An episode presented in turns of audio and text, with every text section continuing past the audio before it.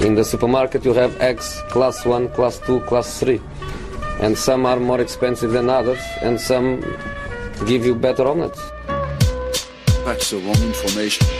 Wrong, wrong, wrong information. I didn't say that. That's the wrong information. Do you think I'm an idiot? Wrong, wrong, wrong information. Now look at me when I talk to you. Your job is to tell the truth. That's the wrong information.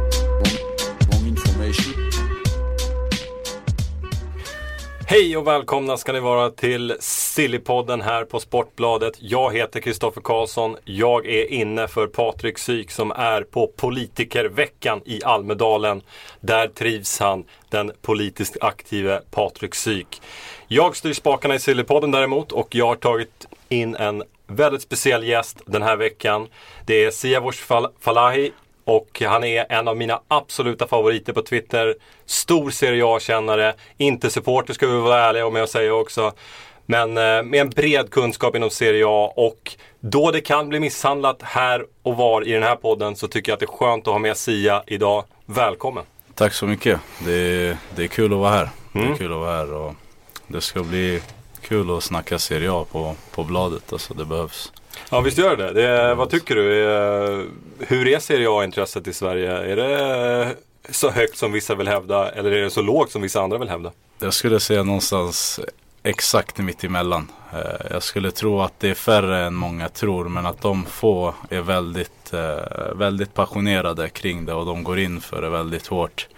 Eh, att de snackar. Sen så håller det ju på att etablera sig en publik för Serie A i Sverige som inte har funnits tidigare eftersom att informationen är mer lättillgänglig. Och som man jämför med Premier League så har ju all information alltid funnits på engelska. Du har alltid kunnat få allt det senaste. Eh, det har inte funnits med Serie A. Då har man varit tvungen att lita på TV och när TV har misshandlat Serie A så har publiken någonstans också blivit misshandlad. Men nu med Twitter, med sociala medier, med alla nyhetssidor som finns så får man information väldigt snabbt och bra. Och då växer också publiken. Sen tror jag också att Serie A skärmar väldigt många som inte bara är intresserade av fotboll. Den skärmar folk som gillar mat, den skärmar folk som gillar vin, den skärmar folk som gillar maffia eller samhällsstyre eller som semestrar i Italien. Jag tror att vi får väldigt många Serie A-hipsters på, på köpet som egentligen inte bryr sig om fotboll. Så jag tror att den håller på att växa men den är inte stor och eh, den kanske först och främst inte är intäktsbringande för de stora mediehusen.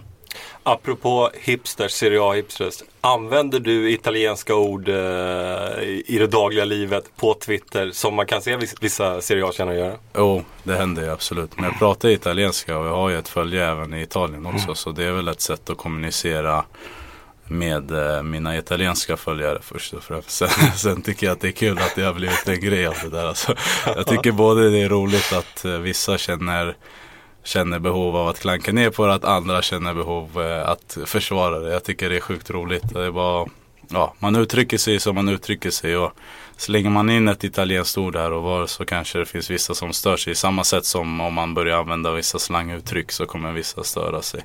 I grund och botten tror jag att det handlar om att egentligen förstå varandra. Alltså, jag tycker att eh, ett, ett grande det låter väl bättre än många andra ord för att beskriva en viss känsla.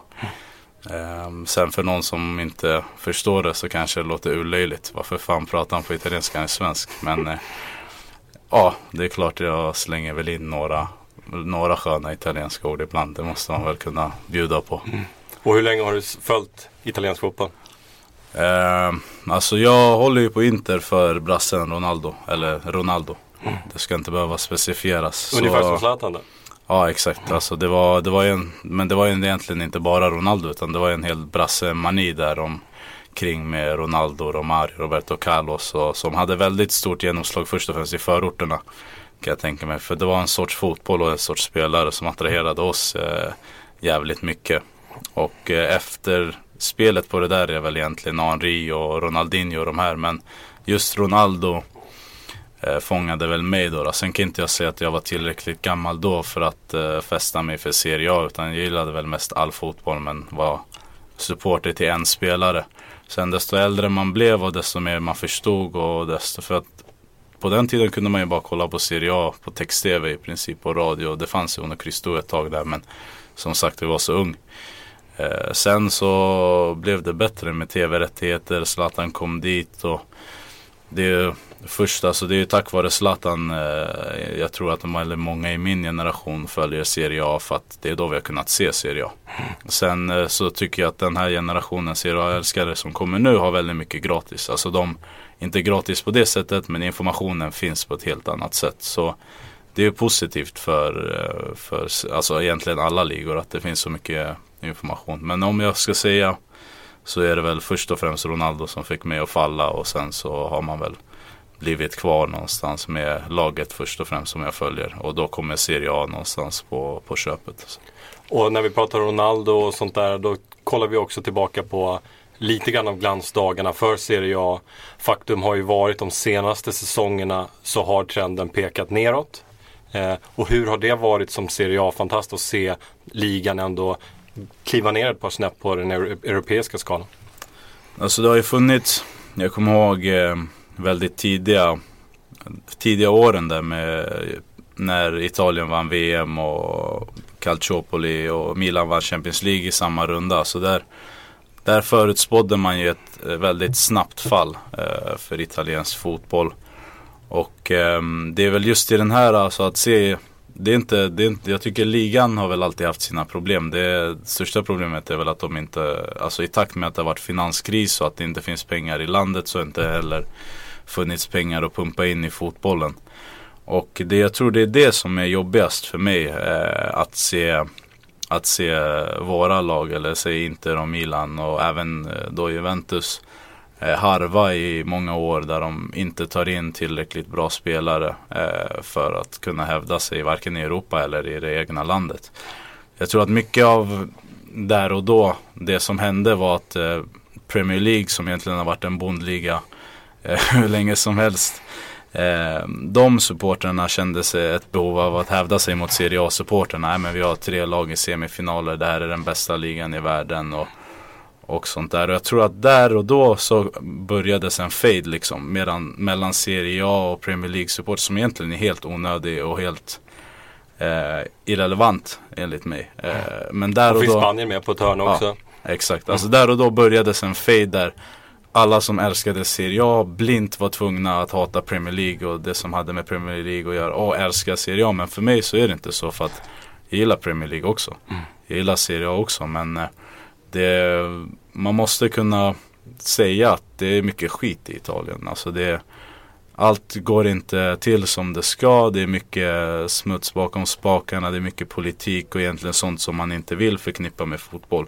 Så för mig det som, har, det som är jobbigt har varit att där någonstans i glansdagen, då fanns ju all den här skiten också. Men den var inte så tydlig för att alla världens bästa spelare spelade i ligan. Det var alltid fullsatt på läktarna. Det var grym fotboll, grym show. Det var, det var liksom, allt var, man kunde liksom Äh, men det där, det där kassa där borta, det bryr vi oss inte så mycket om. Men sen när den verkligheten kommer i kappen, det är då det blir jävligt jobbigt. Och nu så har du haft en liga som har väldigt många problem. Eh, och ingen stjärnglans. Eh, förutom då för ett lag, Juventus, som har dominerat senaste åren. Om vi kollar på Juventus som ändå tar sig till en Champions League-final och vi kommer in på ämnet för dagen, silly season, transfermarknaden och kan konstatera att de italienska lagen verkligen varit aktiva här eh, i början av sommaren. Eh, spenderat nästan dubbelt så mycket som de gjorde vid den här tiden förra året. Eh, är det ett hälsotecken tycker du för Serie A att de eh, det finns en slags insikt nu att det behövs spenderas lite pengar. Ja, jag tror att det, det, det är ett hälsotecken absolut. För att eh, de, de har någonstans försökt spara sig till framgång och det har varit extremt tydligt att det inte funkar. Eh, sen så är inte att spendera pengar ett framgångsrecept eh, helt och hållet. Men det är såklart att det underlättar. Nu har eh, de italienska klubbarna större problem än att spendera. Men om du spenderar pengar så tror jag att det kan eh, hjälpa och lägga många andra problem eh, ja, åt sidan. Så jag tror att det är helt klart viktigt för de italienska klubbarna att börja spendera men eh, man måste också vara försiktig. Alltså, du vill inte att det ska gå som det gick i Parma till exempel. Eh, du vill inte gå i konkurs och bli nedskickad till Serie D med massa skulder och uteblivna löner och sånt där. Så där måste man ju vara försiktig. Men att ehm, Milan och Inter, de här klubbarna som ändå faktiskt omsätter stora pengar, eh, börjar spendera igen är absolut ett hälsotecken. För att om, om jag hävdar att eh, det är många som säger, äh, men kolla Juventus spelade final och Napoli och Fiorentina var i semi Europa League. Det betyder att den italienska ligan är kompetitiv. Jag, jag köper inte det där på samma sätt som jag inte köpte att engelska ligan var bäst i världen för att de hade tre semifinallag. Det tycker jag är ett resultat av de, klubbar, alltså de klubbarnas enskilda framgång, i, i alla fall i Italien. Och, eh, men för att den italienska ligan återigen ska bli kompetitiv på riktigt eh, så krävs det att fler lag än Juventus eh, kan spendera, kan göra värvningar och speciellt att Inter och Milan som ändå om man jämför en snabb jämförelse med i Sverige när man ungdomscoachar Brommapojkarna eller AIK eller Djurgården och möter Spånga eller Hässelby eller Ängby bara för att snacka Stockholm. Då kan de nästan vinna eh, bara på grund av tröjan de bär. För att det funkar så psykologiskt. Just den här uh, Inter Milan som har tung historia, som har uh, en tradition av att vinna titlar. De måste bli kompetitiva igen och leva upp till sina namn och sin historia. För att då kommer de ha mycket gratis också.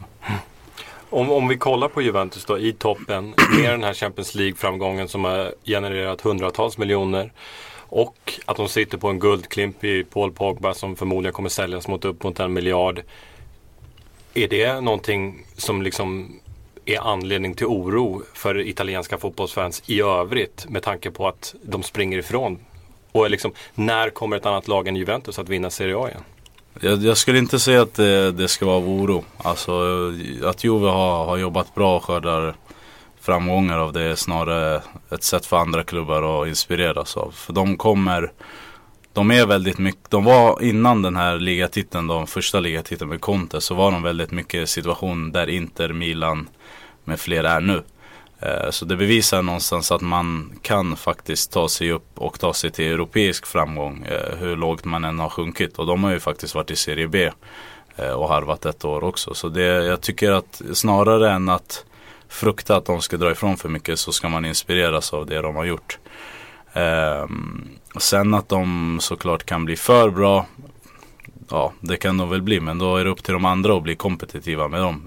det är mer farligt att att lagen bakom Juventus är så pass dåliga som de har varit senaste åren än att Juve blir för bra. Det är någonstans de som är eh, mätstocken då, då som man ska försöka anpassa sig efter och jag tycker det är upp till alla klubbar att försöka komma till deras nivå. Mm. Även om det är svårt så är det det man måste sträva efter. Och om du får gissa då, när vinner ett annat lag än Juventus Serie A nästa gång? Redan nästa år. Du tror det? Ja. Är det Inter som gör det då eller? Nej, det, men det är något annat lag. Man måste sticka ut hakan. Nej men alltså det, om vi säger så här att eh, jag tycker just nu så har de försvagat laget. Mm. Eh, Hur stort jag. är tappet av TVs till exempel?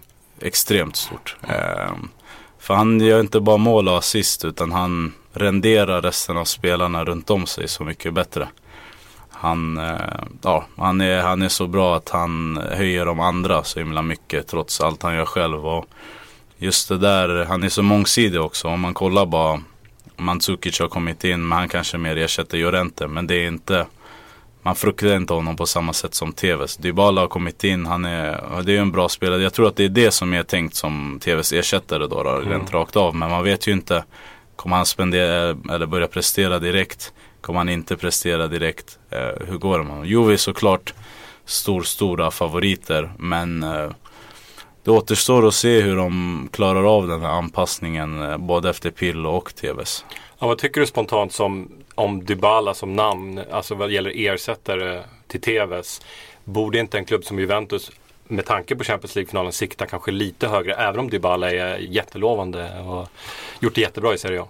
Jag tror Dybala också var, var en prestigevärvning på det sättet att alla klubbar i Italien ville ha honom. Eh, att de kunde sätta ner foten och visa att vi är störst, bäst och vackrast så han kommer till oss tror jag är viktigt för dem. Sen så tror jag också att det där Alltså det är, en, det är en spelare som man kan, alla sitter och säger ja men jag såg det där för länge sedan. Men det är en spelare, alltså som när Messi slog igenom. Nu är det inte samma klass på de här två såklart men det var det var extremt tydligt att han har en fotbollsbegåvning som skulle ta honom till ett topplag. Mm. Eh, och Just, eh, han, har ju, han gör ju både mål och assist eh, och han har gjort det i Palermo och då kan man tycka att det ska vara enklare att göra det i Juve också. Så jag tycker det, jag tycker det är en bra värvning sådär. Men det, det finns ju såklart som du säger ett frågetecken för hur han kan prestera direkt. Mm. Hade det kanske varit säkrare att ta in någon som Jackson Martinez eller Mm. Backa eller någon av dem som fanns tillgängliga. Det, det återstår att se. Men jag tror på honom. Jag tror faktiskt att han kommer, eh, kommer prestera väldigt bra omgående.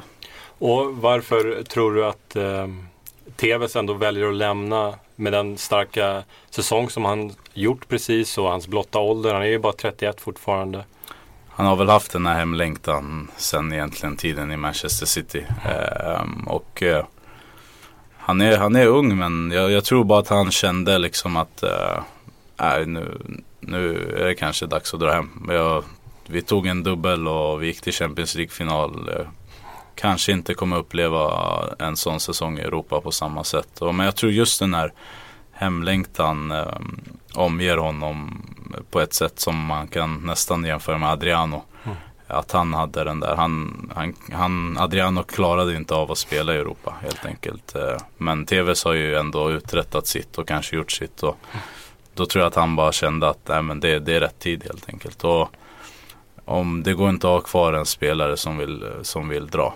Eh, det, det är nog bland det sämsta för en klubb som Juventus. Så de tjänar väl också det är, det är bättre för dem att låta han gå än att ha kvar honom kvar missnöjd. Eh, det kan leda till situationer som du inte vill ha. Så jag tror att det är just den här hans egna vilja, starka hemlängtan som är helt avgörande. Jag ser inte framför mig att Juve skulle vilja bli av med honom annars för att de vet att det kommer försvaga dem. Mm. Och apropå fler spelare på väg ut. Vi har Pogba som ryktas bort. Vi har Vidal som ryktas bort. Det är stora spelare. Hur pass stora avbräck skulle det vara för ett Juventus som ska försvara en ligatitel? Allt beror ju på, på ersättarna helt enkelt. Eh, Jag tror de kommer behålla båda spelarna. Eh, Det, det känns inte som att det kommer något konkret än för både eh, Barca, att Barca vill ha Pogba, alla vill ha Pogba. Mm. Eh, Men jag tror inte han kommer dra nu för att det finns ingen anledning för honom att dra nu. Det är nu han, Pirlo drar, TVs drar, då kommer han vara den stora stjärnan och Mm. det kommer någonstans kanske gynna hans eh, explosion ännu mer. Men eh, om de skulle dra så är det såklart eh, stora, stora avbräck. Alltså jag tror inte Juventus är en klubb som skulle sälja de här två utan att faktiskt eh, vara förberedda på det flera månader innan. Jag tror inte det är en affär som, eller det är affärer som som händer nu i juli, alltså i mitten av juli, i början av augusti. Sådär. Jag tror att ska de säljas då är det nästan färdigt eh, inför sommaren. Juve har redan två eller tre eller fyra ersättare kvar. Eh, och att de där och då redan vet vad de ska göra. Eh, det är inget problem som du tar över dagen. Som till exempel Inter har lyckats fixa. När de sålde spelare som Thiago Motta eller Eto'o och sånt där. Att du hade ingen plan A, plan B för hur du ska ersätta dem och allt blev pannkaka. Juve jobbar inte riktigt sådär utan de är mer långsiktiga. De, jag skulle bli extremt förvånad om de inte har både plan A och plan B när de här spelarna säljs. Nej, just från ägarhåll och eh, sportchefshåll så är väl Juventus liksom någon slags mall för hur en italiensk klubb ska arbeta. Ja, de, eh, de har ju det som man vill ha. De har ju kompetens på en väldigt hög nivå och jobbar på ett väldigt internationellt sätt. Vilket inte är så, så vanligt i Italien.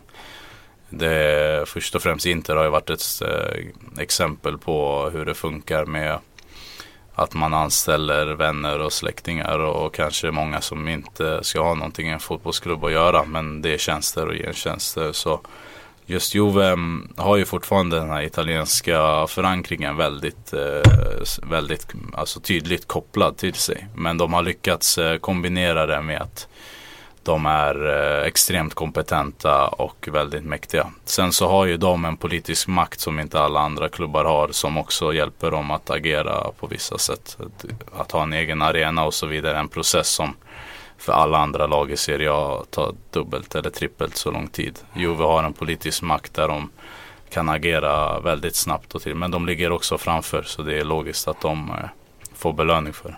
Då ger du inte mycket för de engelska uppgifterna om att Vidal ska vara på väg till Arsenal den här sommaren.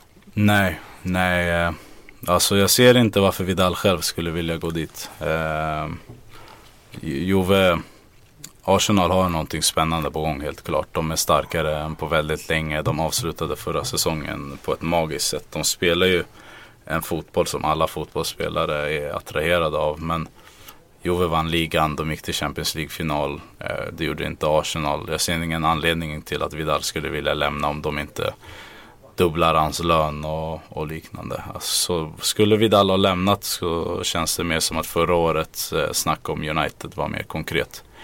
Sen så nämns det ju summor som 30 miljoner euro. Det känns inte som att det är hans värde. För det är också en av världens bästa mittfältare. Mm.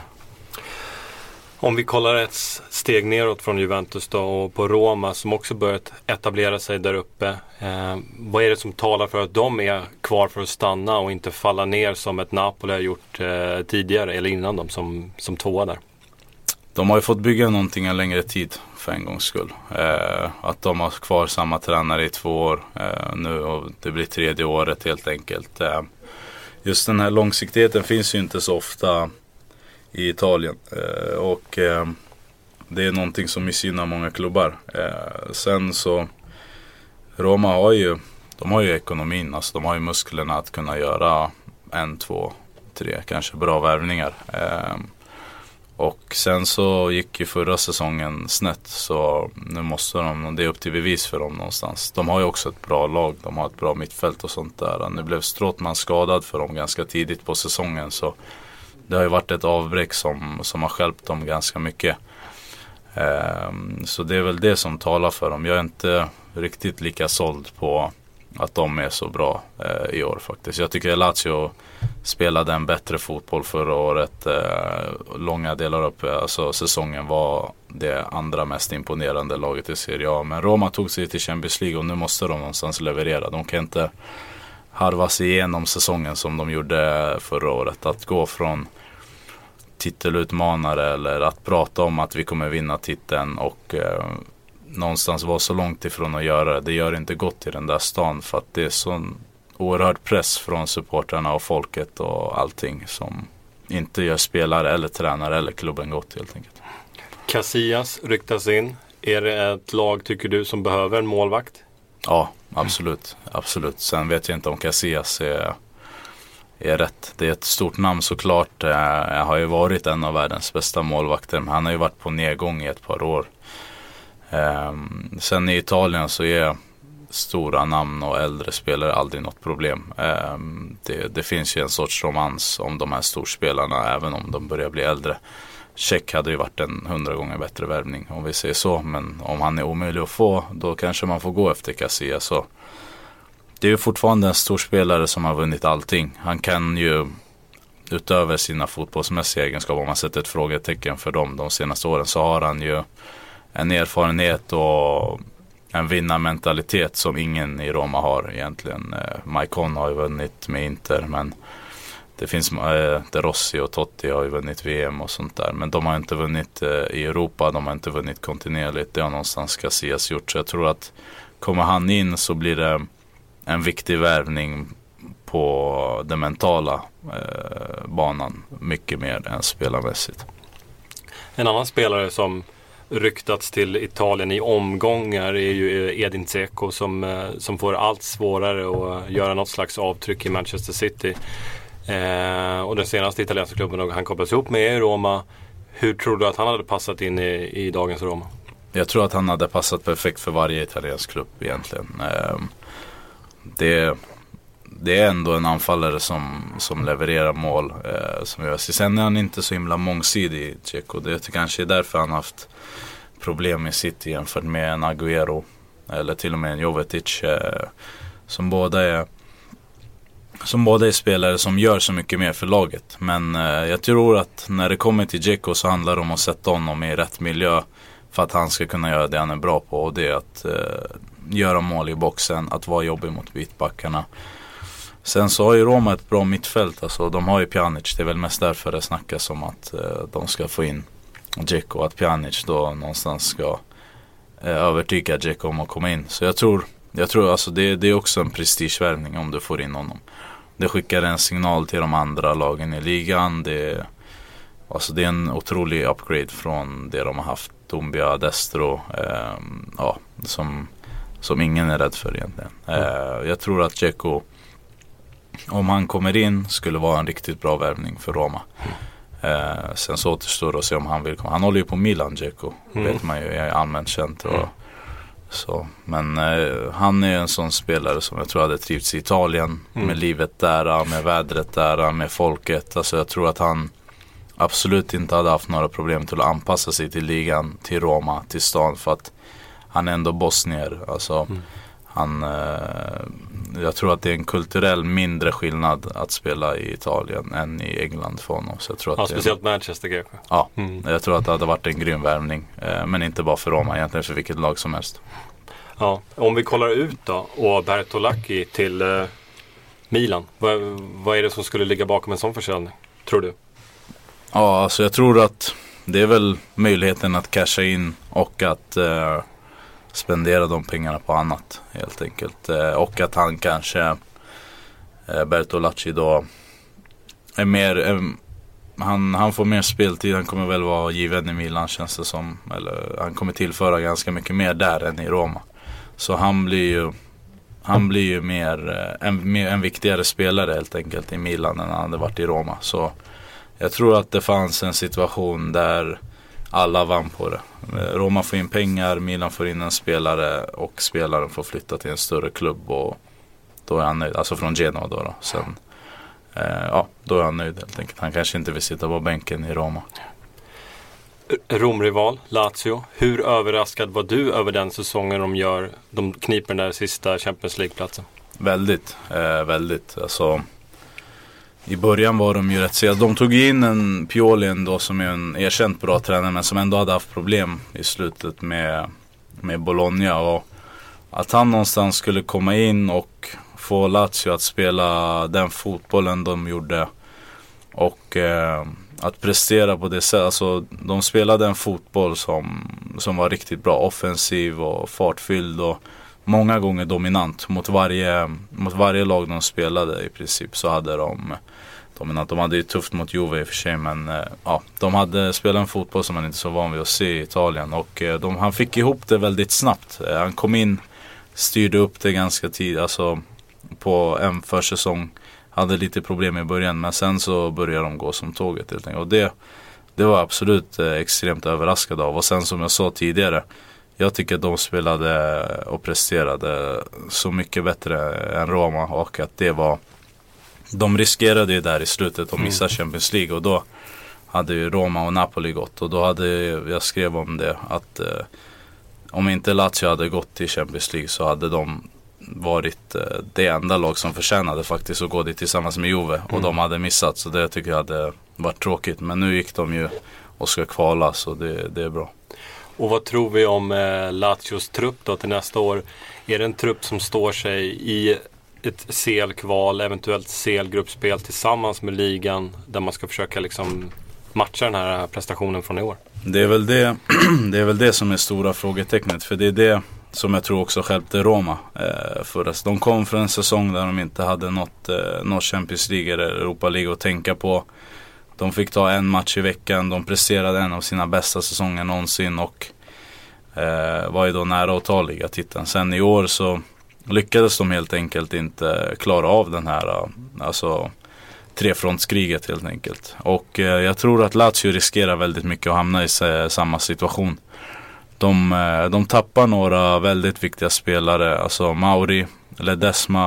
Eh, det är spelare som har varit där länge, som har varit eh, för, alltså förebilder för de yngre, som har någonstans varit ledare i omklädningsrummet. Så att jag tror att de, att tappa de här två är också som jag sa med Casillas, på ett mentalt plan så tror jag att det kan bli väldigt tufft eh, att ersätta dem. För att de är någonstans, de behövs på träningen. Ehm, kanske mer än de är på planen men ja, de är viktiga på det. De kanske tappar Radu också som är en sån där som som eh, fansen gillar för att ja, han ger allt för Lazio och sådär. Så att om de tappar just de här tre spelarna så bör de ju kolla på att få in tydliga ledare. Eh, kanske lite äldre, kanske lite erfarna spelare som har spelat Champions League eller som vet vad det här handlar om. Eh, annars så tror jag att de riskerar att gå samma öde som, som Roma gick eh, helt enkelt.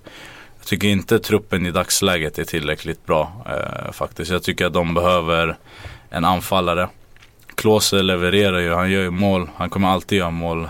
Även om han, om han ja, har ett brutet ben så kommer han ju kunna sätta dit en boll. Men han, han är gammal, han är sliten, han kommer inte klara av tre matcher i veckan. Han, Djordjevic eh, kommer ju från en tuff knäskada. Jag vet inte om han är tillbaka än men han kommer ju då från den här tuffa skadan. Man vet aldrig med knäskador riktigt. Hur, hur, blir han lika bra? Kommer han klara av det? Kommer han skada sig igen?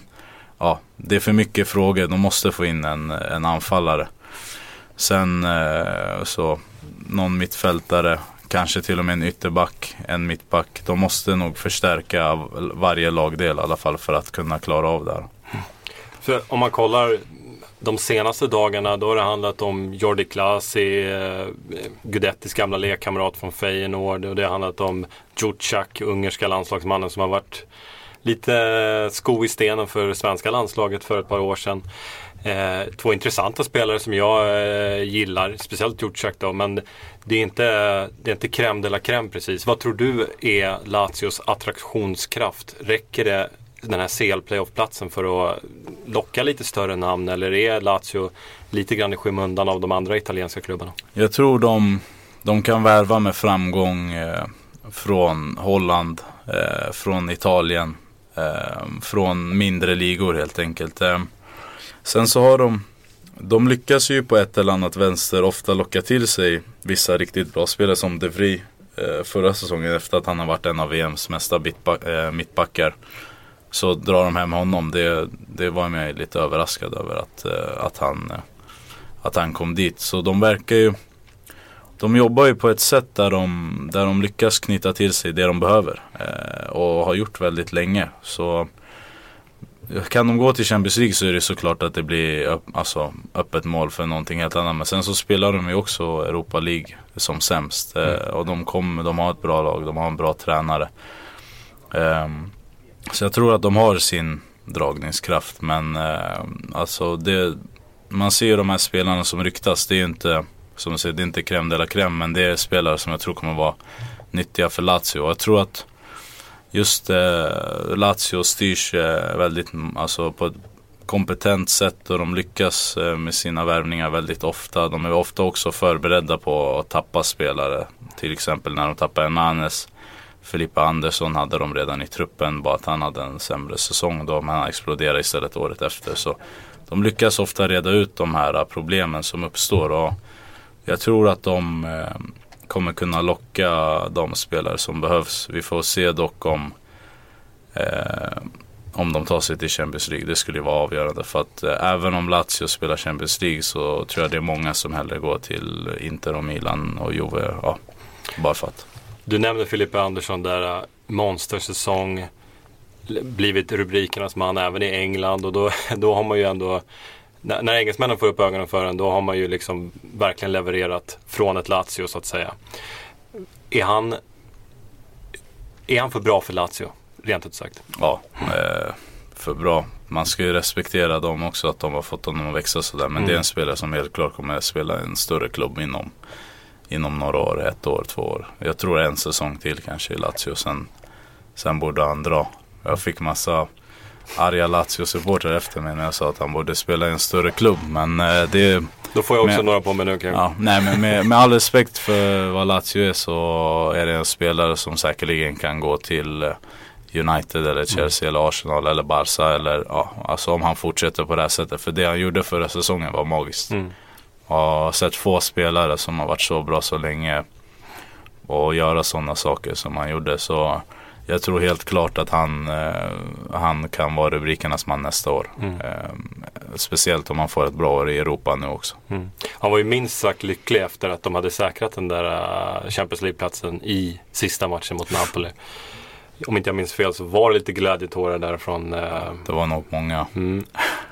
Men apropå den matchen då. Napoli hade ju inte den säsongen som man hade hoppats på precis. Om vi börjar med Rafa Benitez. Vad tycker du om hans arbete i Napoli? Alltså, ja. Det som... Han, han måste förstå att han... Han kan inte revolutionera italiensk fotboll. Han kan inte... Han kan inte ändra Italien på en säsong eller två säsonger. Han måste lyckas anpassa sig till Italien och den italienska fotbollen. Och precis som i Inter när han skulle hålla på att sätta backlinjen på halva plan mot eh, Bale och Lennon eller mot eh, ja, mot italienska kontringsstarka lag. Det funkar inte och du kan inte göra det två gånger om. så um, jag, jag, respekterar honom som tränare. Alltså, det är en stor tränare helt enkelt. Men det lagen har haft till sitt förfogande. Första säsongen tycker jag så här. Man, man ska ge honom att första säsongen så kom han in. Han fick ett helt nytt lag. Eh, de bytte ut nästan, jag tror nästan 10 av 11 spelare i den startelvan som hade varit under Matsari året innan. De började spela en helt ny typ av fotboll och, och så vidare. Och så Den kan man ge att eh, han inte är uppe och nosar på ligatiteln. Men året efter det så tycker jag om Napoli ska vara där och slåss med Juventus. De ska inte vara så långt efter för de har ändå Kolla på den där offensiva spetsen. Du har Iguain, du har Cajon, du har Mertens, du har Hamsik. Eh, ja, det är Insigne. Du, du har en offensiv fyra som inget annat lag i Serie A har egentligen. Och eh, det, det, ska, du ska kunna hota om ligatiteln. Eh, och att han inte gör det och sen dessutom missar Champions League. Det är för dåligt helt mm. enkelt. Eh, det, för en tränare av den kalibern är det för dåligt. Sen att han inte tar dem till Europa League-final, hur oturligt och det än var. Det är också för dåligt när de möter Dnipro. Mm. Ehm, så de, de ska ju helt klart eh, göra det bättre tycker jag. Han ska helt klart göra det bättre. Sen, ja, det är Rafa Benitez helt enkelt. Mm. Vi får se hur det går för honom i Real Madrid. Det känns som en klubb som passar honom väldigt mm. mycket bättre. Än, eh, tycker jag då. då. Men eh, han ska göra det bättre med Napoli helt klart. över de här säsongerna som han haft på sig. Vad tror du om hans ersättare Maurizio Sarri? Det Just det, alltså det blir, no, det blir frågetecken för det ändå för att Napoli är en sån där klubb som behöver tränare som levererar direkt från dag ett. Benitez är ju en sån. Helt mm. Man kan inte säga emot det. Hur mycket man än ogillar honom och stör sig på honom. Han levererar direkt. Mm. Eh, Sarri, ja, det Hans Empoli spelade ju riktigt bra fotboll. Eh, de var ju riktigt bra men det är också frukten av att han har haft längre tid på sig. Han har inte blivit sparkad om det har stormat och så vidare. Det jag sätter frågetecken för det. Inte för att det är en dålig tränare men för att Napoli är en större klubb och det finns större spelare och egon där än han någonsin kanske har haft. Alltså Benitez är ändå han pratar flera språk, han har vunnit Champions League, han har vunnit ligatitlar. Han har det där på sitt CV. Sarri kommer in i omklädningsrummet och ska snacka med en sån som Iguain och du kanske inte pratar spanska eller engelska med de här spelarna som behöver. Det kan uppstå vissa problem. Sen att det här är storklubbar när man löser det och sådär. Eh, det är såklart. Men jag tror, vet inte om det är rätt man på rätt plats. Om det är det som Napoli behöver just nu. Och eh, varför de tappar den här eh, internationella approachen som de byggde upp med Benitez. För att där har du byggt upp eh, en internationell vad ska dragningskraft, appeal. Eh, som, som spelare tycker är trevlig. Som de kanske vill komma till och vill representera och vill spela för. Det är ändå Benitez, det är ändå Napoli. Och det snackades ju mycket om att de vill ha Klopp och mm. tränare, ja sådana tränare helt enkelt. Och jag tror att där kanske Sarri brister för att jag tror inte du kan värva, se om det hade varit för några år sedan så tror jag inte att du hade kunnat locka Iguain till att komma till Napoli med sig, ja men vi har Sarri som tränare. Um, jag tror att det kan bli ett problem.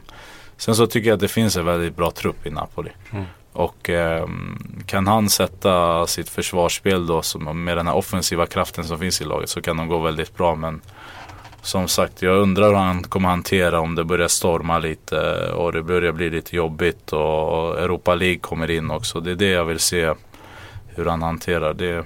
Man ska hylla honom för hans gångna säsong men det här är ett helt nytt äventyr. Så jag sätter ett frågetecken för honom. Mm. Och du är inne på den, den fina trupp som ändå finns. Men om vi kollar på namn som Karajon, Iguain, Hamsik för den delen. Är det spelare som blir kvar nu när, eh, efter den här säsongen som har varit? Snackas väl om att Cajon kan offras. Det var väl Atletico tror jag mm. som var väldigt sugna på honom. Eh, men det skulle också vara nästan ett dråpslag. Alltså det, det är någonstans när Sarri har tackat ja vill att komma så har han väl kollat på den befintliga truppen. Sen om de bestämmer sig för att sälja honom då har de väl kommit överens om att de kan offra honom. Men återigen, de behöver ju all kvalitet de kommer få. Tappar de Iguain då kanske de får in tillräckligt mycket pengar för att köpa en eller två bra ersättare. Men det är fortfarande en spelare som gör mål, som gör assist, som motståndarna är rädda för. Så mm, jag tror det kan brusa lite. Just Iguain så tror jag att det kommer vara avgörande första perioden under Sarri. Eh, hur kommer de överens? För att han hade ju lite problem med Benitez i slutet. Mm. Så för honom kanske det snarare blir en, liksom, en trevlig överraskning. Mm. Men eh, om de inte kommer överens eller om det kommer en stor klubb, eh, europeisk då, då som knackar på dörren. Då ser jag att det kan finnas problem. Jag tror dock Hamsik stannar. Han har haft bättre lägen att gå till en annan klubb än det idag. Mm. Men Iguain och just Cajon tror jag kan bli den som lämnar mest. Iguain Säljer du honom så sänder du inte så bra signaler till supporterna och sånt där. Och det är, de- det är väldigt viktigt i Napoli. Så jag tror att han nog också kan få en säsong till. Hur tycker du Iguain står sig i ett internationellt perspektiv? För det är ändå engelska klubbar som kopplar sig ihop med honom. Uh, han, han, är, han kan ju vara uppe och nosa bland de bästa i världen. Uh, han är inte något fenomen, Ronaldo, Messi, Zlatan eller ja, eh, de här spelarna. Men det är en, det är en spelare som det är en modern anfallare och för en anfallare som honom så tror jag alltid det kommer finnas plats i, i storklubbar runt om världen. Eh, så länge han är ung. Stock så nu senast var där mot Lazio. Han har läge att sätta en straff som kan få dem att ta ledningen mot Lazio då han missar den. Det är lite sådana där grejer som han brister i. Han kommer aldrig nog tror jag vara världens bästa. Eh, däremot så tror jag att han hamnar i skiktet precis under. Så att han är ju världsklass. Eh, han kommer göra mål, han kommer göra assist. Det är nästan målgaranti på honom. Så um, jag, skulle, jag tycker han skulle passa väldigt bra i Arsenal. Mm. Väldigt, väldigt bra i Arsenal. Eh, Så de gör rätt i att hoppas på Iguain, Arsenal-fansen. det, det vet jag inte. Det beror på om de vill sälja. Men om de får honom så tror jag att det är en mycket bättre värvning. Som är väldigt mycket mer anpassad till deras spel eh, och system än de har haft tidigare. För att om vi kollar på en sån som Giroud, visst han är bra. Men han kanske inte är så mångsidig. Han är ja, lite träbent och sånt där. Iguain är ju fortfarande bra med fötterna. Han kan avsluta med båda fötterna. Han kan göra mål på huvudet. Han kan göra väldigt mycket. Och för en sån klubb som Arsenal skulle det vara en perfekt värvning. Så jag håller honom absolut som en av, en av de bästa i omlopp. Eh, men som aldrig kommer kanske vara riktigt den bästa i Mm. världen. Mm. Om vi beger oss till eh, Milano då. Börjar i Inter. Och det man tänker hittills den här sommaren är ju vilken Mercato de gör. Ja, imponerar eh, faktiskt. Kondogbia snor man framför näsan på Arsenal som sagt, eh, vad det heter. Eh, Ja, andra klubbar också. säkert. Men eh, det är ju det är också, det, det, det, det snackades ju om att Mancini skulle avgå om de inte fick Kondogbia och sådana här grejer. Så. Och jag kan faktiskt köpa det. Jag tror att det kan ligga något konkret bakom det. Men nu är det också så i Italien att det sparkas, alltså det skjuts friskt från höften liksom. Är Mancini vilken det är, Touré då vill han lämna och sånt där. Men jag tror att det kan finnas eh, en tydlig vilja från Mancini bakom det här. Eh, för att jag tror inte du agerar som inte gör i den här affären. Att du flyger ner sportchef och går in, Milan är där, de, ja, framför ögonen på dem ska sno den här spelaren eller liksom att ni har, ja, slänger upp de där stolarna. Så jag tror att eh, Inter håller på med någonting bra. Och, eh, men det är förenklat som sagt. Eh, vi har varit inne på det lite tidigare. Jag har en tränare som har en, ett internationellt känt namn som spelare från överallt egentligen kan tänka sig spela för. Som kan locka spelare på egen hand. Eh, det sades ju att han ringde Kondogbia alltså själv och förklarade för honom liksom vilken roll han skulle ha i Inters projekt och, och sånt där. Alltså, och det är ju Mancini, man får inte glömma det också att det är en, det är en tränare som, som har väldigt bra koll på spelarmarknaden. Han ser ju väldigt mycket fotboll, han har väldigt bra koll på vad som finns i omlopp och eh, han har alltid, alltid, alltid fått sina ägare att spendera mycket pengar. Det är en av eh, de grejerna han är mest känd för egentligen. Så att eh, jag tror han är mycket ligger mycket bakom det. För att hade Inter haft kvar Matsari till exempel hade finns inte en chans att någon som Kondogbia skulle vilja komma till Inter. Inter har ett försprång där jämfört med egentligen alla italienska klubbar förutom Juve då. då. Mm. Att de har en tränare som är internationellt känd och som kan locka till sig spelare från överallt. Och just Kondogbia-värvningen.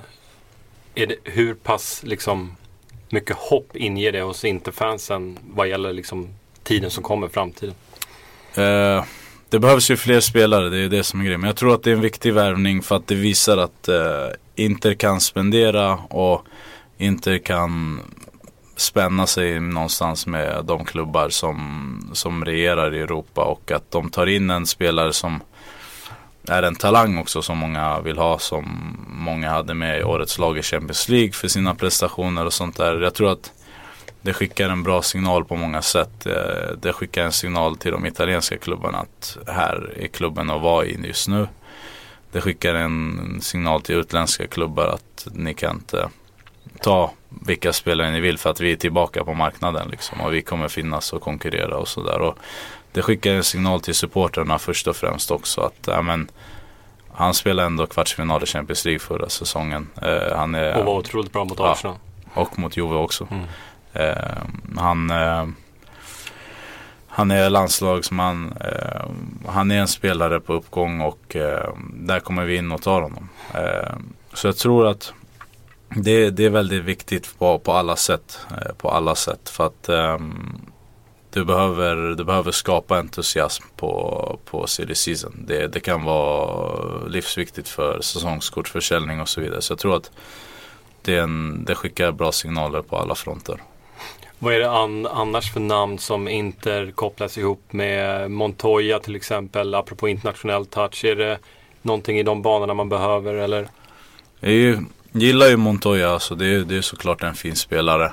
All- Allt som kommer från Barca är ju bra egentligen. Alltså inte allt. Eh, det finns ju Ja, Spelare som har varit då, Bojan men- Kirkic har ju blommat ut i Stoke nu. Så Jo men de, de spelarna som har varit i Barca, som har fostrats i Barca, som har, som har den här uh, skolningen då, då, är alltid, och tror jag kommer alltid vara intressant för alla klubbar egentligen.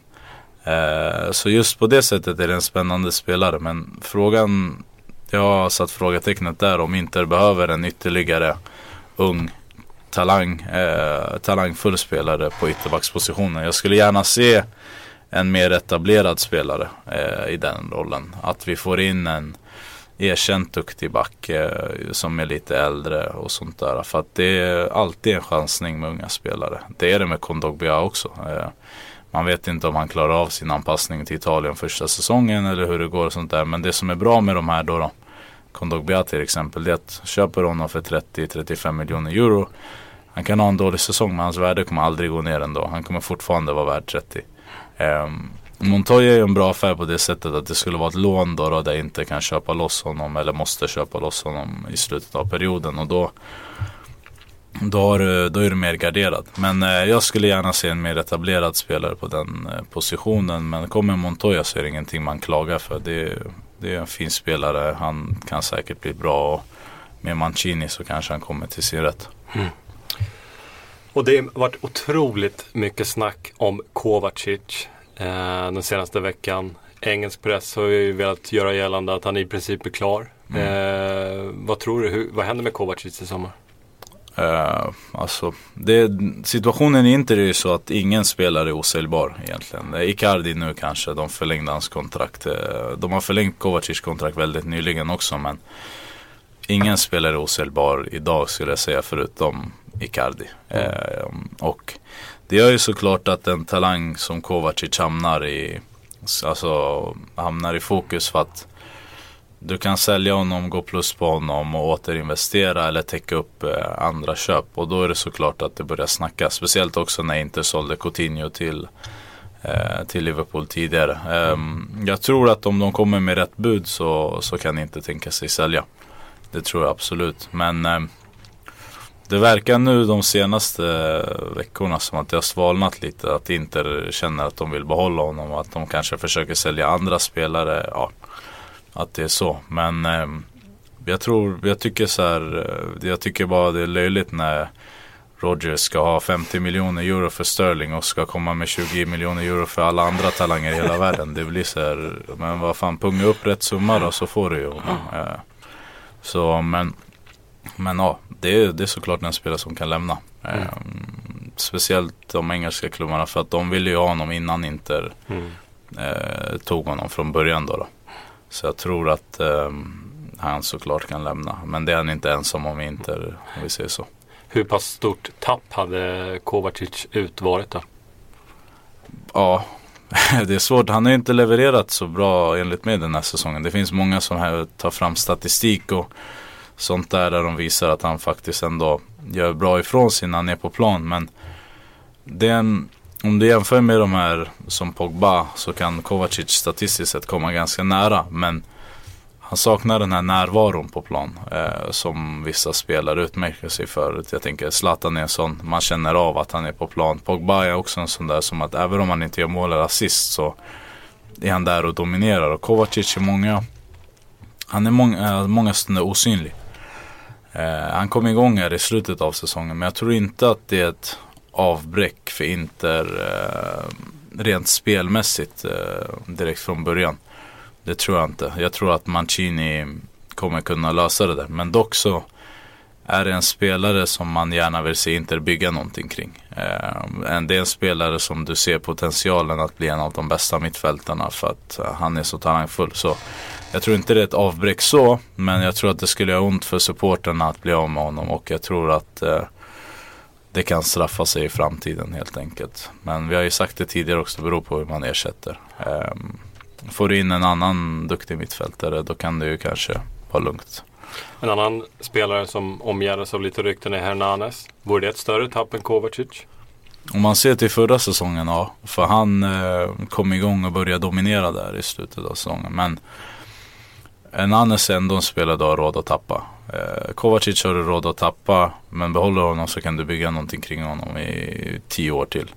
En annan börjar ändå bli till, ja, till åren. Han, eh, tror han är 30 nu. Mm.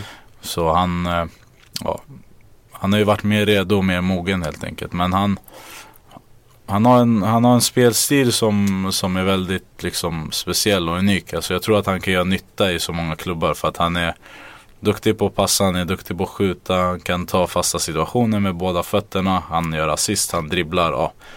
Så han har ju en spelstil som många klubbar i Europa hade dragit nytta av. Eh, så det, är- det är också för mig en spelare som Inter bör försöka behålla. Men som sagt, jag tycker ingen är osäljbar egentligen förutom Icardi. Eh, du har sett Inter den här säsongen, kan vi lugnt konstatera. Ja. Och då är du rätt man att fråga. Hur usel är egentligen Podolski? Inte så usel. Inte? Nej, inte så, inte så dålig som folk vill ha det till. Alltså. Skulle säga, det gick, det gick snett i Inter för honom helt Mm. enkelt. Han, eh, han var bra, riktigt bra i början. Jag såg hans första match faktiskt borta mot Juventus när han kom in och då dominerade han liksom. Eh, sen så gick det snett med någonting. Han har väl fysiskt, alltså om det var fysiska problem eller att han, ja.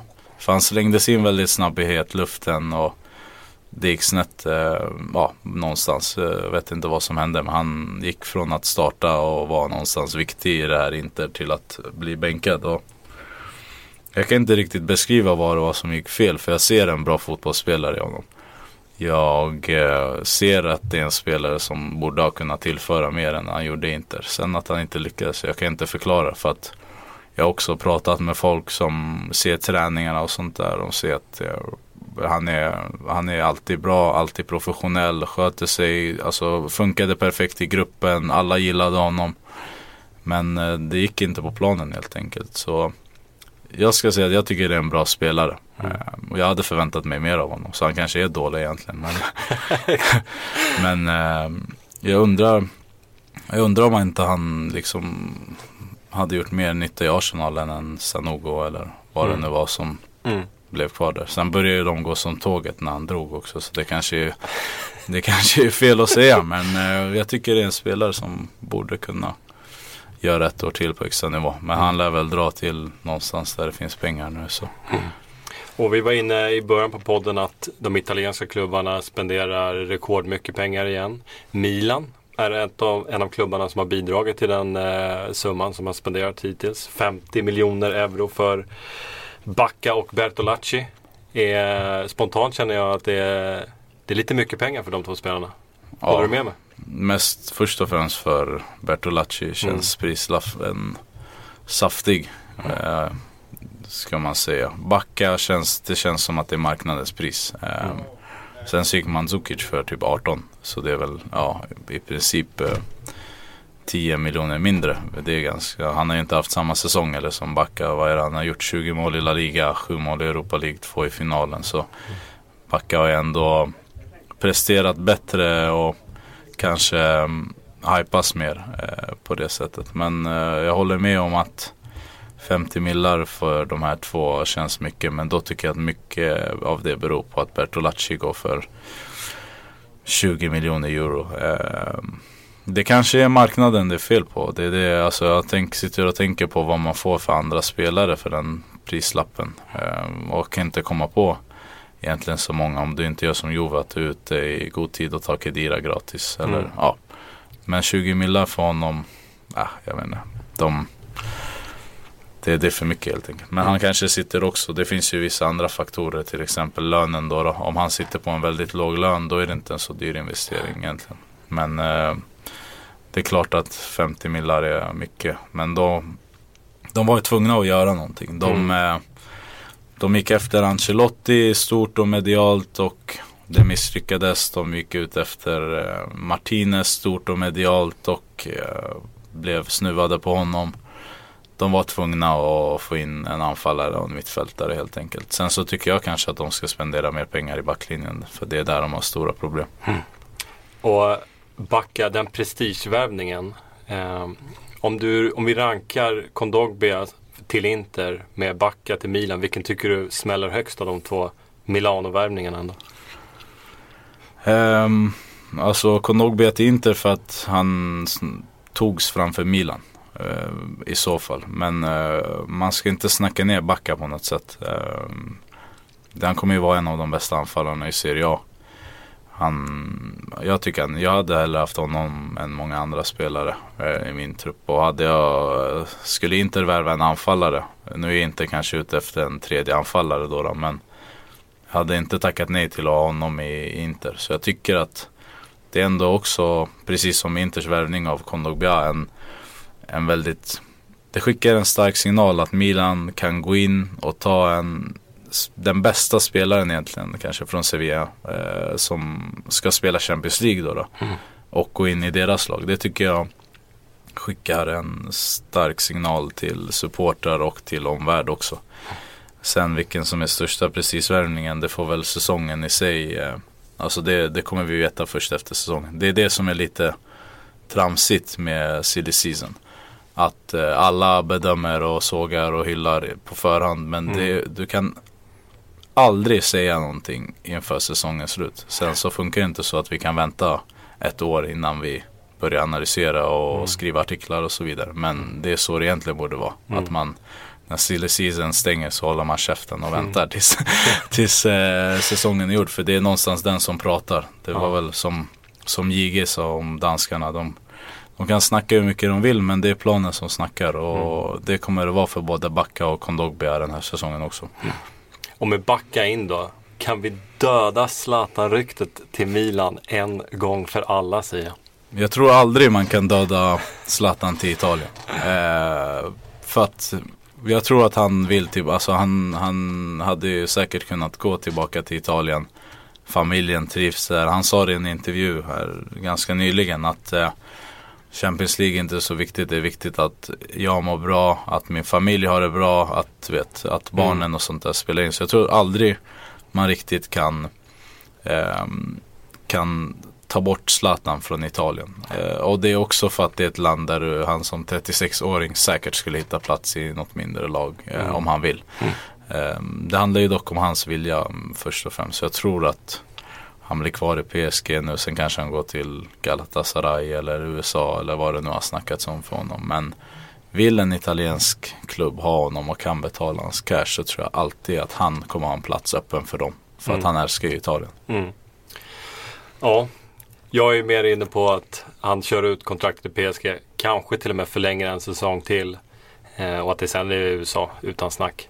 Eh, just för att pengarna är där. Och nu, nu, när det har snackats om Milan också så har det ju varit med den här lönesänkningen. Även om det är ett längre kontrakt så är det ju med en lön som fortfarande, även om det är stor med italienska mått mätt, långt ifrån det han har i PSG idag. Ja, det är ju, men Milan har ju pengar helt Mm. enkelt. De, har ju, de kan spendera. Men jag tror inte man ska underskatta de här äh, exotiska turkarna, alltså Galatasaray och Mm. sånt där. För att han skulle, jag tror att han, han kanske i PSG har känt sig lite mindre uppskattad än han borde vara. Mm. Ehm, han är ju såklart älskad i Frankrike och sånt där. Men jag tror inte det är samma alltså, hetta från supporterna där. Jag tror att han kan gå igång på den här grejen om att komma till, säg en turkisk klubb som Galatasaray och vara kung. Mm. Eh, och, och bara ha Ja, den flygplatsmottagningen, de är ju ökända för den. Det hade ju varit den största någonsin. ja, den galna mottagningen, den galna stämningen. Du får spela Champions League, det är bra lön. Han har ju Schneider där också. Så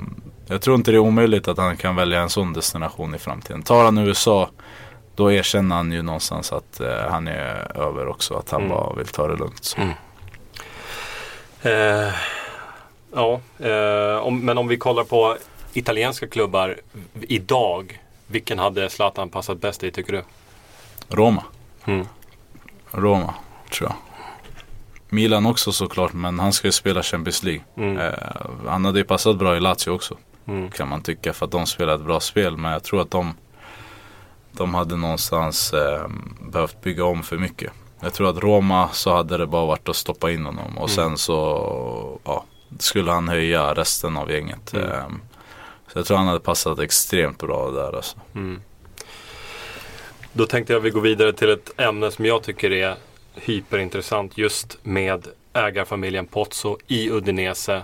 Som, tid, som har också Watford och Granada. Udinese har varit huvudklubben under de här åren. Men nu med Watford i Premier League.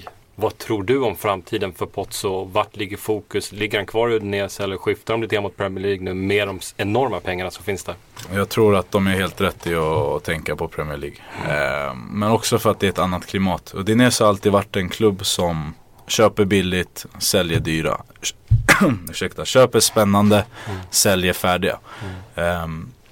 och det kommer de fortsätta göra. Och det kan de fortsätta göra för de har en ny arena på gång som snart är klar. De behöver inte spendera så stora pengar och de kan fortfarande mäta sig med klubbar som Inter, Milan och Lazio, Genoa och Sampdoria. De, de klarar det på väldigt liten budget och det kan man göra i Italien. Eh, dock i Premier League en helt annan sak.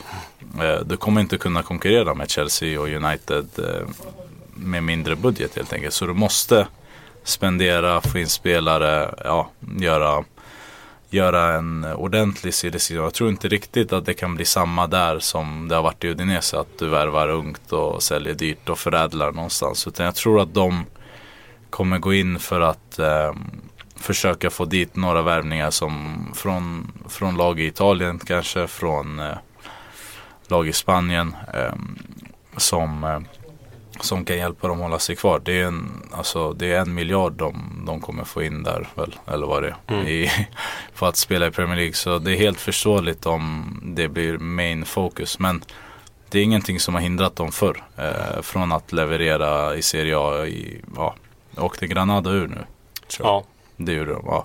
Men eh, de har ju alltid kunnat köra det här ordentligt. Men de ska ju såklart fokusera på Premier League, pengarna där och att behålla, att stanna kvar där helt enkelt.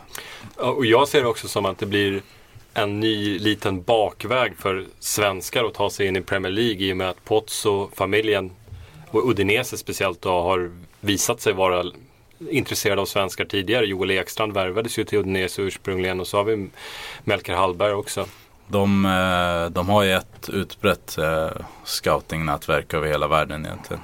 Så jag tror helt klart, det har väl snackats Gudetti till Udinese Mm. också till och med. Så jag tror helt klart att det är en klubb som, som har koll på den nordiska marknaden för att eh, du kan få spelare billigt här. Eh, I Brasilien, det är inte samma sak längre. Det är mycket de har bättre ekonomi i fotbollen och agenterna spelar större roll och det finns de här investeringsbolagen som köper spelare och det trissar ju upp priserna. Men i Sverige så kan du ju få väldigt bra spelare för ganska låga summor pengar och eh, det tror jag är, är intressant för dem, helt klart.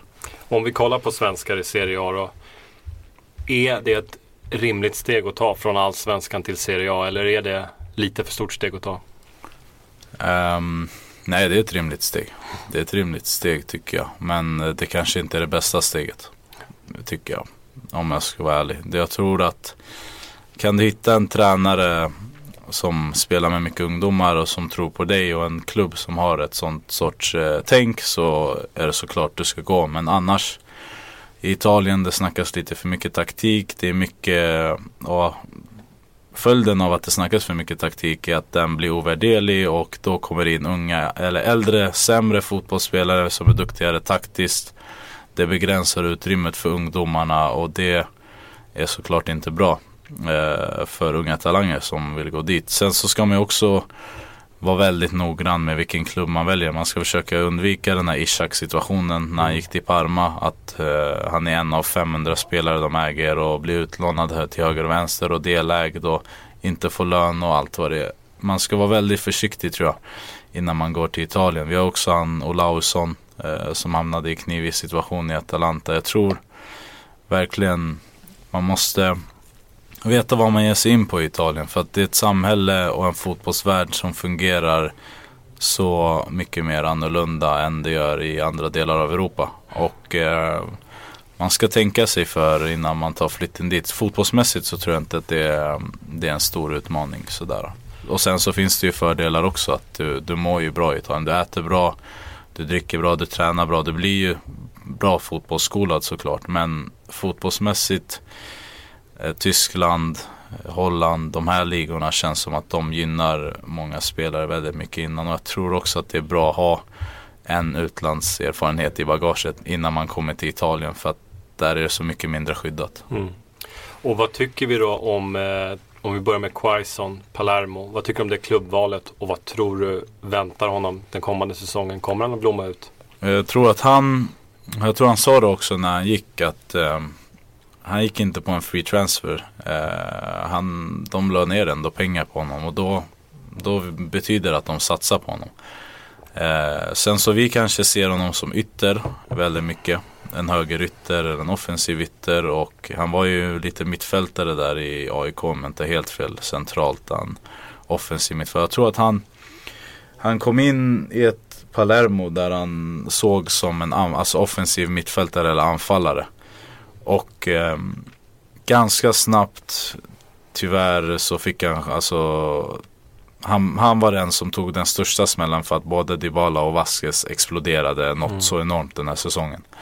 För varje gång han har kommit in, vart han än har kommit in så har han gjort det bra. Han är väldigt uppskattad eh, där nere i Palermo. Det är många som pratar om honom som ett blivande fenomen. Och sen kanske det också är överdrivet men han kom ju in som Skandinaviens Xavi eller vad det var han kallades. Just det. Och det är inte samma spelartyp alls. Eh, han är ju inte den sortens. Han ska ju vara en explosiv antingen ytter eller ja, striker kan han väl kanske utvecklas till. Men jag tror att han i, man ska inte und- alltså man överskattar ofta italienarnas koll på allt som händer. Jag har varit flera gånger vid, vid eh, träningsanläggningar och folk bara, men vem var det där som åkte förbi? Och Jag tror att han kanske också har hamnat i den här, från början i den där situationen där ingen visste vem han var.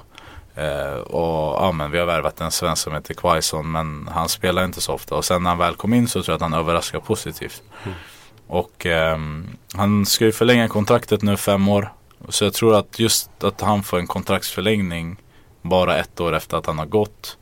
Att han är så uppskattad där nere. Att han nu kom in i U21 och gör det bra. Jag tror att allt talar för att han ska kunna blomma ut och leverera eh, i Palermo. För att det är verkligen en spelare som låter planen sköta snacket. Han är ju ganska blyg. Pratar inte så mycket. Gillar inte sig själv så mycket utan han är, han är ju ja, en ganska tyst snubbe. Så jag tror verkligen att han har allt för att göra bra ifrån sig redan i år och att han eh, kommer utvecklas eh, extremt mycket och att de tror på honom. Det är det viktigaste. Och Palermo har ju visat sig vara en klubb som kan leverera spelare till den absolut högsta nivån om vi kollar på Cavani och Dybala. Så Pastore, mm, eh, där, exakt, där har vi någonting. ja, som så vi kan hoppas på. Sirigu, ja, Mm. det, det är många spelare som har gått den vägen. Så Mm. det tror jag absolut man kan hoppas på. Pontus Jansson då, i Torino. Vad tror vi om han? Han är ju han är ju en, en riktig, alltså jag tycker han har verkligen träffat rätt tränare och rätt klubb. Eh, en tränare som, som gillar unga spelare. Eh, trots att han inte alltid spelar med dem så mycket. Men han, han gillar de här unga lirarna. Han ger dem förtroende om de förtjänar det. Han utvecklar sina spelare taktiskt och spelarmässigt. Så jag tror att för Jansson är det en riktigt bra klubb att komma till. Just för att han personligen och individuellt kommer utveckla så himla mycket av det. Nu har han väl opererat knät eller vad det är. Ja, Både. mm, Det är det som är lite som är lite frågetecknet. Som jag sa tidigare med Djordjevic, han skadade ju knät och var borta. Det är inte riktigt samma sak.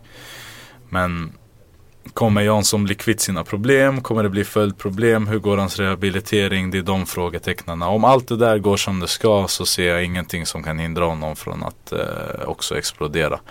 Det handlar bara om att han tar chansen när han får den. Och det har han egentligen gjort i, i Turin. Och de spelar ju med tre backar också. Så att det är en extra plats för honom att spela på. Så han har ju också alla förutsättningar. Men där har vi en spelare som verkligen valde rätt klubb och rätt tränare. För att eh, både bli bättre själv och lagmässigt. Den stora svenska snackisen de senaste veckorna eh, har ändå varit Albin Ekdal och hans situation i Cagliari. Inte följer han väl med dem ner i Serie B? Nej, nej. Eh, definitivt inte skulle jag säga. Eh, Var tror vi att han hamnar? Turkiet, tyvärr. Det blir så tråkigt. Ja. En Trabzonspor. Ja, eller Fenerbahce. Då blir man ju trött alltså. Ja, När det- man ändå kopplas ihop med namn som Lazio och Roma här senast. Det, var ju, det verkade ganska konkreta med Roma-förhandlingarna. Att han skulle vara någon del i, i, i de förhandlingarna om De var ju-. De, var ju, de satte ju rätt frågetecken där eh, både nu kommer jag inte ihåg om det var Sjögren och, och Niva som Mm. satt som undrade om vad logiken var att de skulle få Albin och priset skulle gå ner i affären och sånt Mm. där. Det var ju, vad jag hört så eh, vill Roma bara ha honom som free transfer Mm. eh, nästa år. Och Albin kommer ju lämna. Han vill inte vara kvar. Han ska inte vara kvar ett år i. Serie B även om Roma tar honom efter. Det är helt onödigt. Mm. Och jag förstår inte varför en klubb som Roma inte slänger upp några miljoner euro och eh, knyter till sig honom. Det är ändå billigt, det är en bra spelare. Mm. Han är funktionell, de kommer spela tre, ja, eh, tre turneringar. Mm. Förstår inte heller varför inte en klubb som Lazio gör någonting. Eller till och med Milan. Alltså Inter har ju ränt runt med spelare som Kuzmanovic i en, två säsonger. Och där har det ju, kanske nu när Mancini kommer in är det en helt annan situation. Men i tre år har det ändå kunnat vara så att Ekdal har kunnat höja eh, varje Serie A-lag förutom Juventus. Mm. Eh, och istället så hamnar han i Trabzonspor. Det blir, det blir deppigt. Tragiskt kan jag men tycka. det, det är följden av eh, agenternas eh, för stora inflytande och när de någonstans inte lyckas eh, lösa det här. Ett, alltså det skulle ha varit klart i januari egentligen. Eh, de, man visste ju att de skulle åka ur. När de inte har lyckats lösa det här på förhand så tror jag att du hamnar i en situation där du är väldigt tillgänglig att lyssna på, på de som kommer med bud. Sen så ska man inte snacka ner turkiska ligan heller men Albin Ekdal ska ju spela i ett större lag i Serie A. Mm. Ehm, Det, det tycker jag. Men jag tror han hamnar i Turkiet tyvärr. Men vi kan fortfarande hoppas lite grann på att han blir kvar i Serie A. I ett lite större lag. Behöver Bara, inte ge upp hoppet. ja, jag vet inte. Jag, att det ens har gått så långt att vi, vi snackar de här klubbarna Ja. känns inte som något bra. Nej, det är tråkigt. Det är bara att hålla tummarna att det kan smälla lite högre. Vet du vad? Nu har det blivit dags att ta lite läsarfrågor. Vi har kommit till den delen av programmet. Eh, och vi kan börja med eh, en fråga från Joakim Östman. Vidal till Arsenal, hur stor sannolikhet? Ja, ska jag svara i procent då? Ja, det. Nej, men jag vet inte. 10 procent kanske. Ja, du tror inte med? Nej, inte än i alla fall. Dagsläget så kan jag säga nästan 10 procent. Alltså. Okej. Då tar vi en eh, fråga från Svante Svärdsen. Vilken striker kommer till Roma? Är man inte lite väl hård mot Dombia? Och en målvakt bör ju komma då MDS är slut. Ja, det är han väl. Eh, det håller jag med om. Eh, det skulle vara intressant att se om de kan knyta till sig Dzeko. Eh, Mm. Dock så tycker jag att de borde ha gått all in på backa. Med tanke på deras trupp, hur den ser ut, vad de har för spelare så är det en, jag är förvånad att de inte gjorde mer väsen av sig i den där affären. Får de inte Dzeko och de inte får backa så är det svårt att säga vem de ska ta. Det kanske blir någon mindre känd eh, duktig spelare. Jag har faktiskt svårt att säga. Men det verkar ju som att Casillas vill dit också. Mm. Att de kan fixa honom. Så det tror jag kan hända absolut på målvaktsfronten. Anfallare, eh, jag är osäker faktiskt. Och Dombia, ja, jag vet inte. Alltså jag såg, jag har sett, man har ju sett honom sänka hur många lag som helst och göra hur bra prestationer som helst. Men jag, i Roma, det kändes knappt seriöst med honom. Alltså han, han var inte tillräckligt bra. Sen så tycker jag kanske att de borde få ut mer av Destro. Mm. Men han drar ju nu. Mm. Så då betyder det väl att något har skurit sig eh, mellan dem och eh, att de inte tror på honom helt enkelt. Martin Eriksson undrar vilket italienskt lag värvar Gudetti? Känns som gjuten för Serie A. Det gör han ju. Ehm, det tycker jag absolut. Ehm, ja, om det skulle vara Udinese i så fall. Eh, så, så, så blir jag inte förvånad helt enkelt. Men eh, Det var ju snack om Fiorentina förra sommaren. Men då blev det ju Celtic till slut. just det. Men de Fiorentina kommer väl behöva en anfallare antar jag. För att de kommer väl sälja Gomes eh, tror jag. Så det kan väl hända. Men eh, jag, jag skulle tycka det var kul att se honom i, eh, i någon precis under toppen. Så någon av de här Sampdoria, Genoa. Eh, som, är, som är bra som spelar en fotboll som kommer gynna honom som anfallare och som kan utveckla honom för Sverige. För han behöver en klubb där han kan vara given. Och jag, inte, jag vet inte hur många italienska klubbar han är given i. För att eh, Ja, det är inte Till så många skillnad. kanske. till skillnad från många andra så hakar jag inte på hypen kring honom lika mycket. Eh, jag, eh, jag ser inte så himla många klubbar i Italien. Han skulle gå in från start och vara gjuten. Alltså. Mm. Till och med Sassuolo har spelare som Berardi och Sasa och med fler. Så ska han gå så ska han gå till, eh, han måste hitta ett projekt helt enkelt. Där, där vi har en tränare som vill spela med ungdomar och som kan utveckla dem. Och jag tror i alla fall att eh, Sampdoria Genoa skulle vara de bästa destinationerna. Tillsammans med kanske Sassuolo då, som har en ung duktig tränare. Och apropå Berardi så undrar William Isaksson. Kommer Berardi spela för Juve nästa säsong? Det borde han ju. Det borde han ju absolut. Det sägs ju att de skulle köpa loss honom och Sasa nu för var det, 25 miljoner euro. Men Sassuolo verkar ju vilja behålla honom och det förstår man ju. Eh, Men om Juve, de vill ju spela 4-3-2 och 4-3-3 nästa säsong. Så spela 4-3-3 då borde de ju ta in honom. Det är en magisk spelare, eh, Berardi. Jag tycker han är en bland det bästa som jag har sett på sistone som har kommit upp. Eh, absolut så. Jag tycker absolut de borde köpa honom. Eh, jag förstår kanske om han blir kvar ett år till. För att få um, speltid och leverans eh, helt enkelt en säsong. Arvid Karlsson undrar, finns det några hidden gems att hitta i Serie A? Och i så fall, vilka då? Gillar Keita i Lazio. Mm. Keita Balde. Han Mm. är född 95. Han har inte riktigt blommat ur och exploderat. Men det är en spelare som jag tror har all, all, all kapacitet att bli riktigt bra. Utöver det, det beror på hur långt, alltså vilka åldrar man snackar. Jag är ett stort fan av Inters Brozovic. Mm. Eh, han är 92 i och för sig, men han är också lite sådär inte så många som har så mycket koll på honom. Han gör inte så mycket väsen av sig. Kovacic är tusen gånger mer hypad men Mm. Brozovic är en som gör väldigt mycket nytta och gör väldigt bra. De, de här dolda spelarna de kommer ju alltid fram under säsongen. Det ska, Mm. alltså, Filippa Andersson kan man ju säga förra säsongen. Det var inte så många som hade koll på honom men nu snackas han ju överallt. Exakt. Och de, de där unga talangerna det är ju liksom De är redan kända. Mm. Icardi, Pogba, eh, ja med fler. Så, men eh, jag flaggar för Keita Balde i Lazio. Han, eh, han är ung, duktig och har inte exploderat än. Snyggt. Max Strömberg Melin. Racet bakom Juventus. Vilka bygger bäst och smartast? smartast? Någon seriös utmanare till nästa år? Inter och eh, det är svårt alltså. Det, mm, materialmässigt är det ju Napoli och Roma eh, just nu och de har också de har ju också den här långsiktigheten som krävs. Eh, Inter gynnas av att de inte spelar i Europa tror jag. Väldigt, väldigt mycket i år. Så jag tror att de kommer kunna utmana. Eh, sen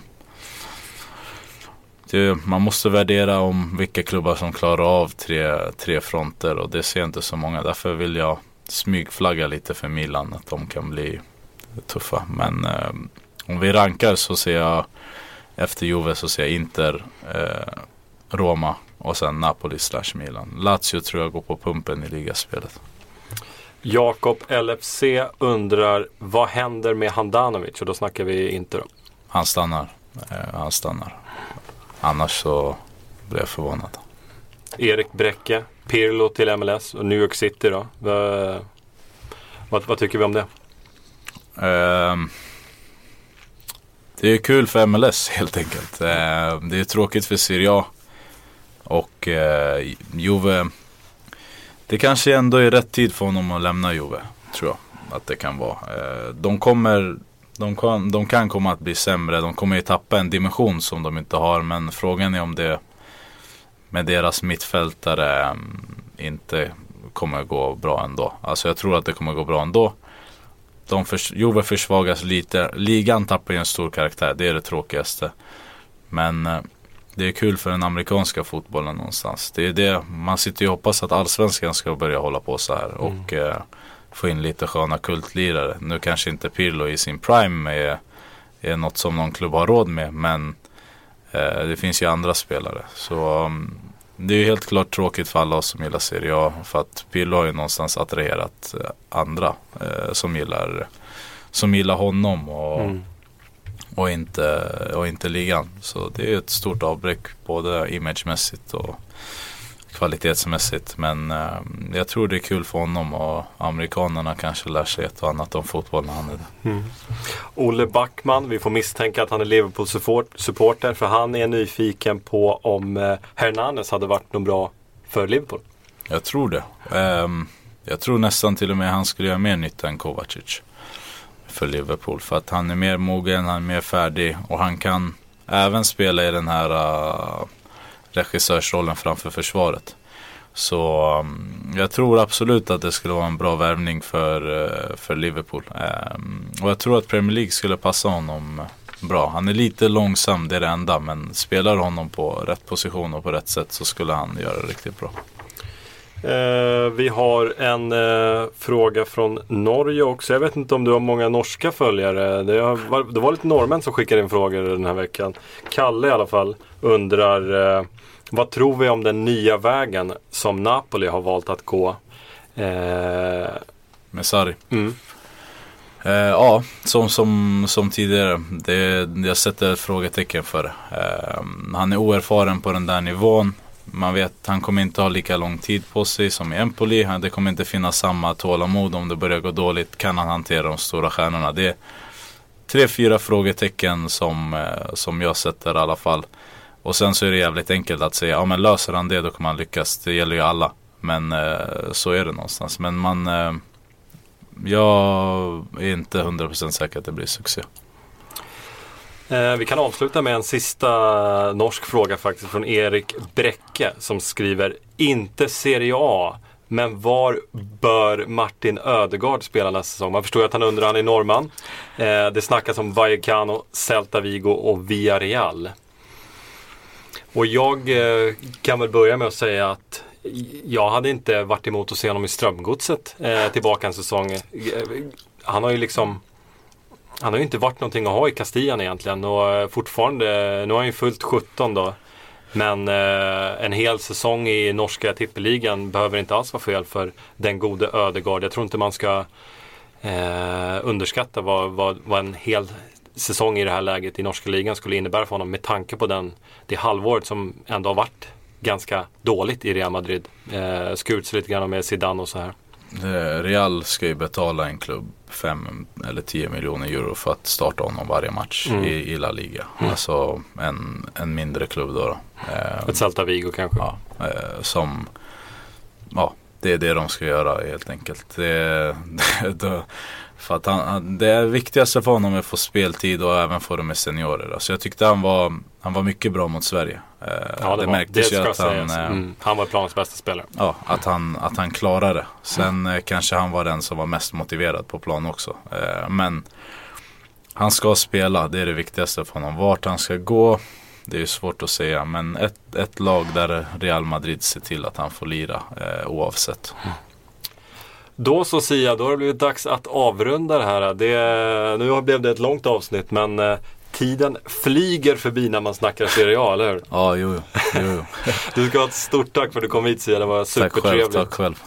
Kul att få snacka lite Serie A i en och en halv timme nästan. Ja, det är så det ska vara. Eh, du får ha en fantastisk sommar Sia. Eh, nästa vecka är Patrik Sjögren tillbaka tror jag. Vi hörs då. Ciao.